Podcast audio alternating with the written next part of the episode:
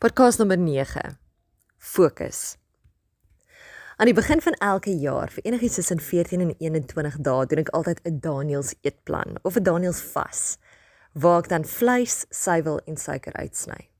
Nie vanuit 'n rigiede stans nie, maar meer om my fokus terug te bring na 'n nuwe seisoen toe, my geestelike ore so 'n bietjie meer oop te maak. Ek dink om fokus te plaas op dit wat belangrik is en dan regtig regtig net met die Here te praat en God se stem te hoor en dan soek ek altyd 'n antwoord. Interessant genoeg Portia Nelson skryf hierdie ongelooflike storie en sy noem dit 'n autobiografie in 5 baie kort hoofstukke. Luister gou hierna. Hoofstuk 1. Ek loop in die straat af. Daar's 'n gat in die sypaadjie. Dis 'n baie diep gat. Ek val in. Ek is hulpeloos. Dis nie my skuld nie. Dit neem vir ewig om uit die om uitweg te vind om uit te klim. Hoofstuk 2 ek loop dieselfde straat af. Daar's 'n diep gat in die sypaadjie. Ek maak asof ek dit nie sien nie. Ek val in weer. Ek kan nie glo ek is op dieselfde plek nie. Maar dis nie my skuld nie en ek neem nog 'n langer tyd om uit te klim. Hoofstuk 3.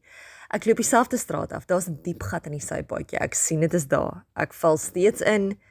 Dis 'n gewoonte, maar my oë is oop. Ek weet waar ek is. Dit is my skuld. Ek klim dadelik uit. Hoofstuk 4. Ek loop dieselfde straat af. Daar's diep gat in die sypaadjie. Maar ek loop rondom dit. En dan hoofstuk 5. Ek loop 'n straat af. Dit voel vir my of ek hierdie podcast met 'n spesifieke persoon vandag moet deel. Want ons vriend Salomo met Spreuke 26 vers 11 gee vir my hierdie praktiese raad om nie dieselfde foute oor en oor te maak nie. Miskien moet jy dit vandag hoor. Dis asof hy wil hê ons moet wyse keuses maak. Hy sê, soos 'n hond wat na sy braaksel toe terugkeer, soos 'n dwaas wat dieselfde dwaasheid weer begin.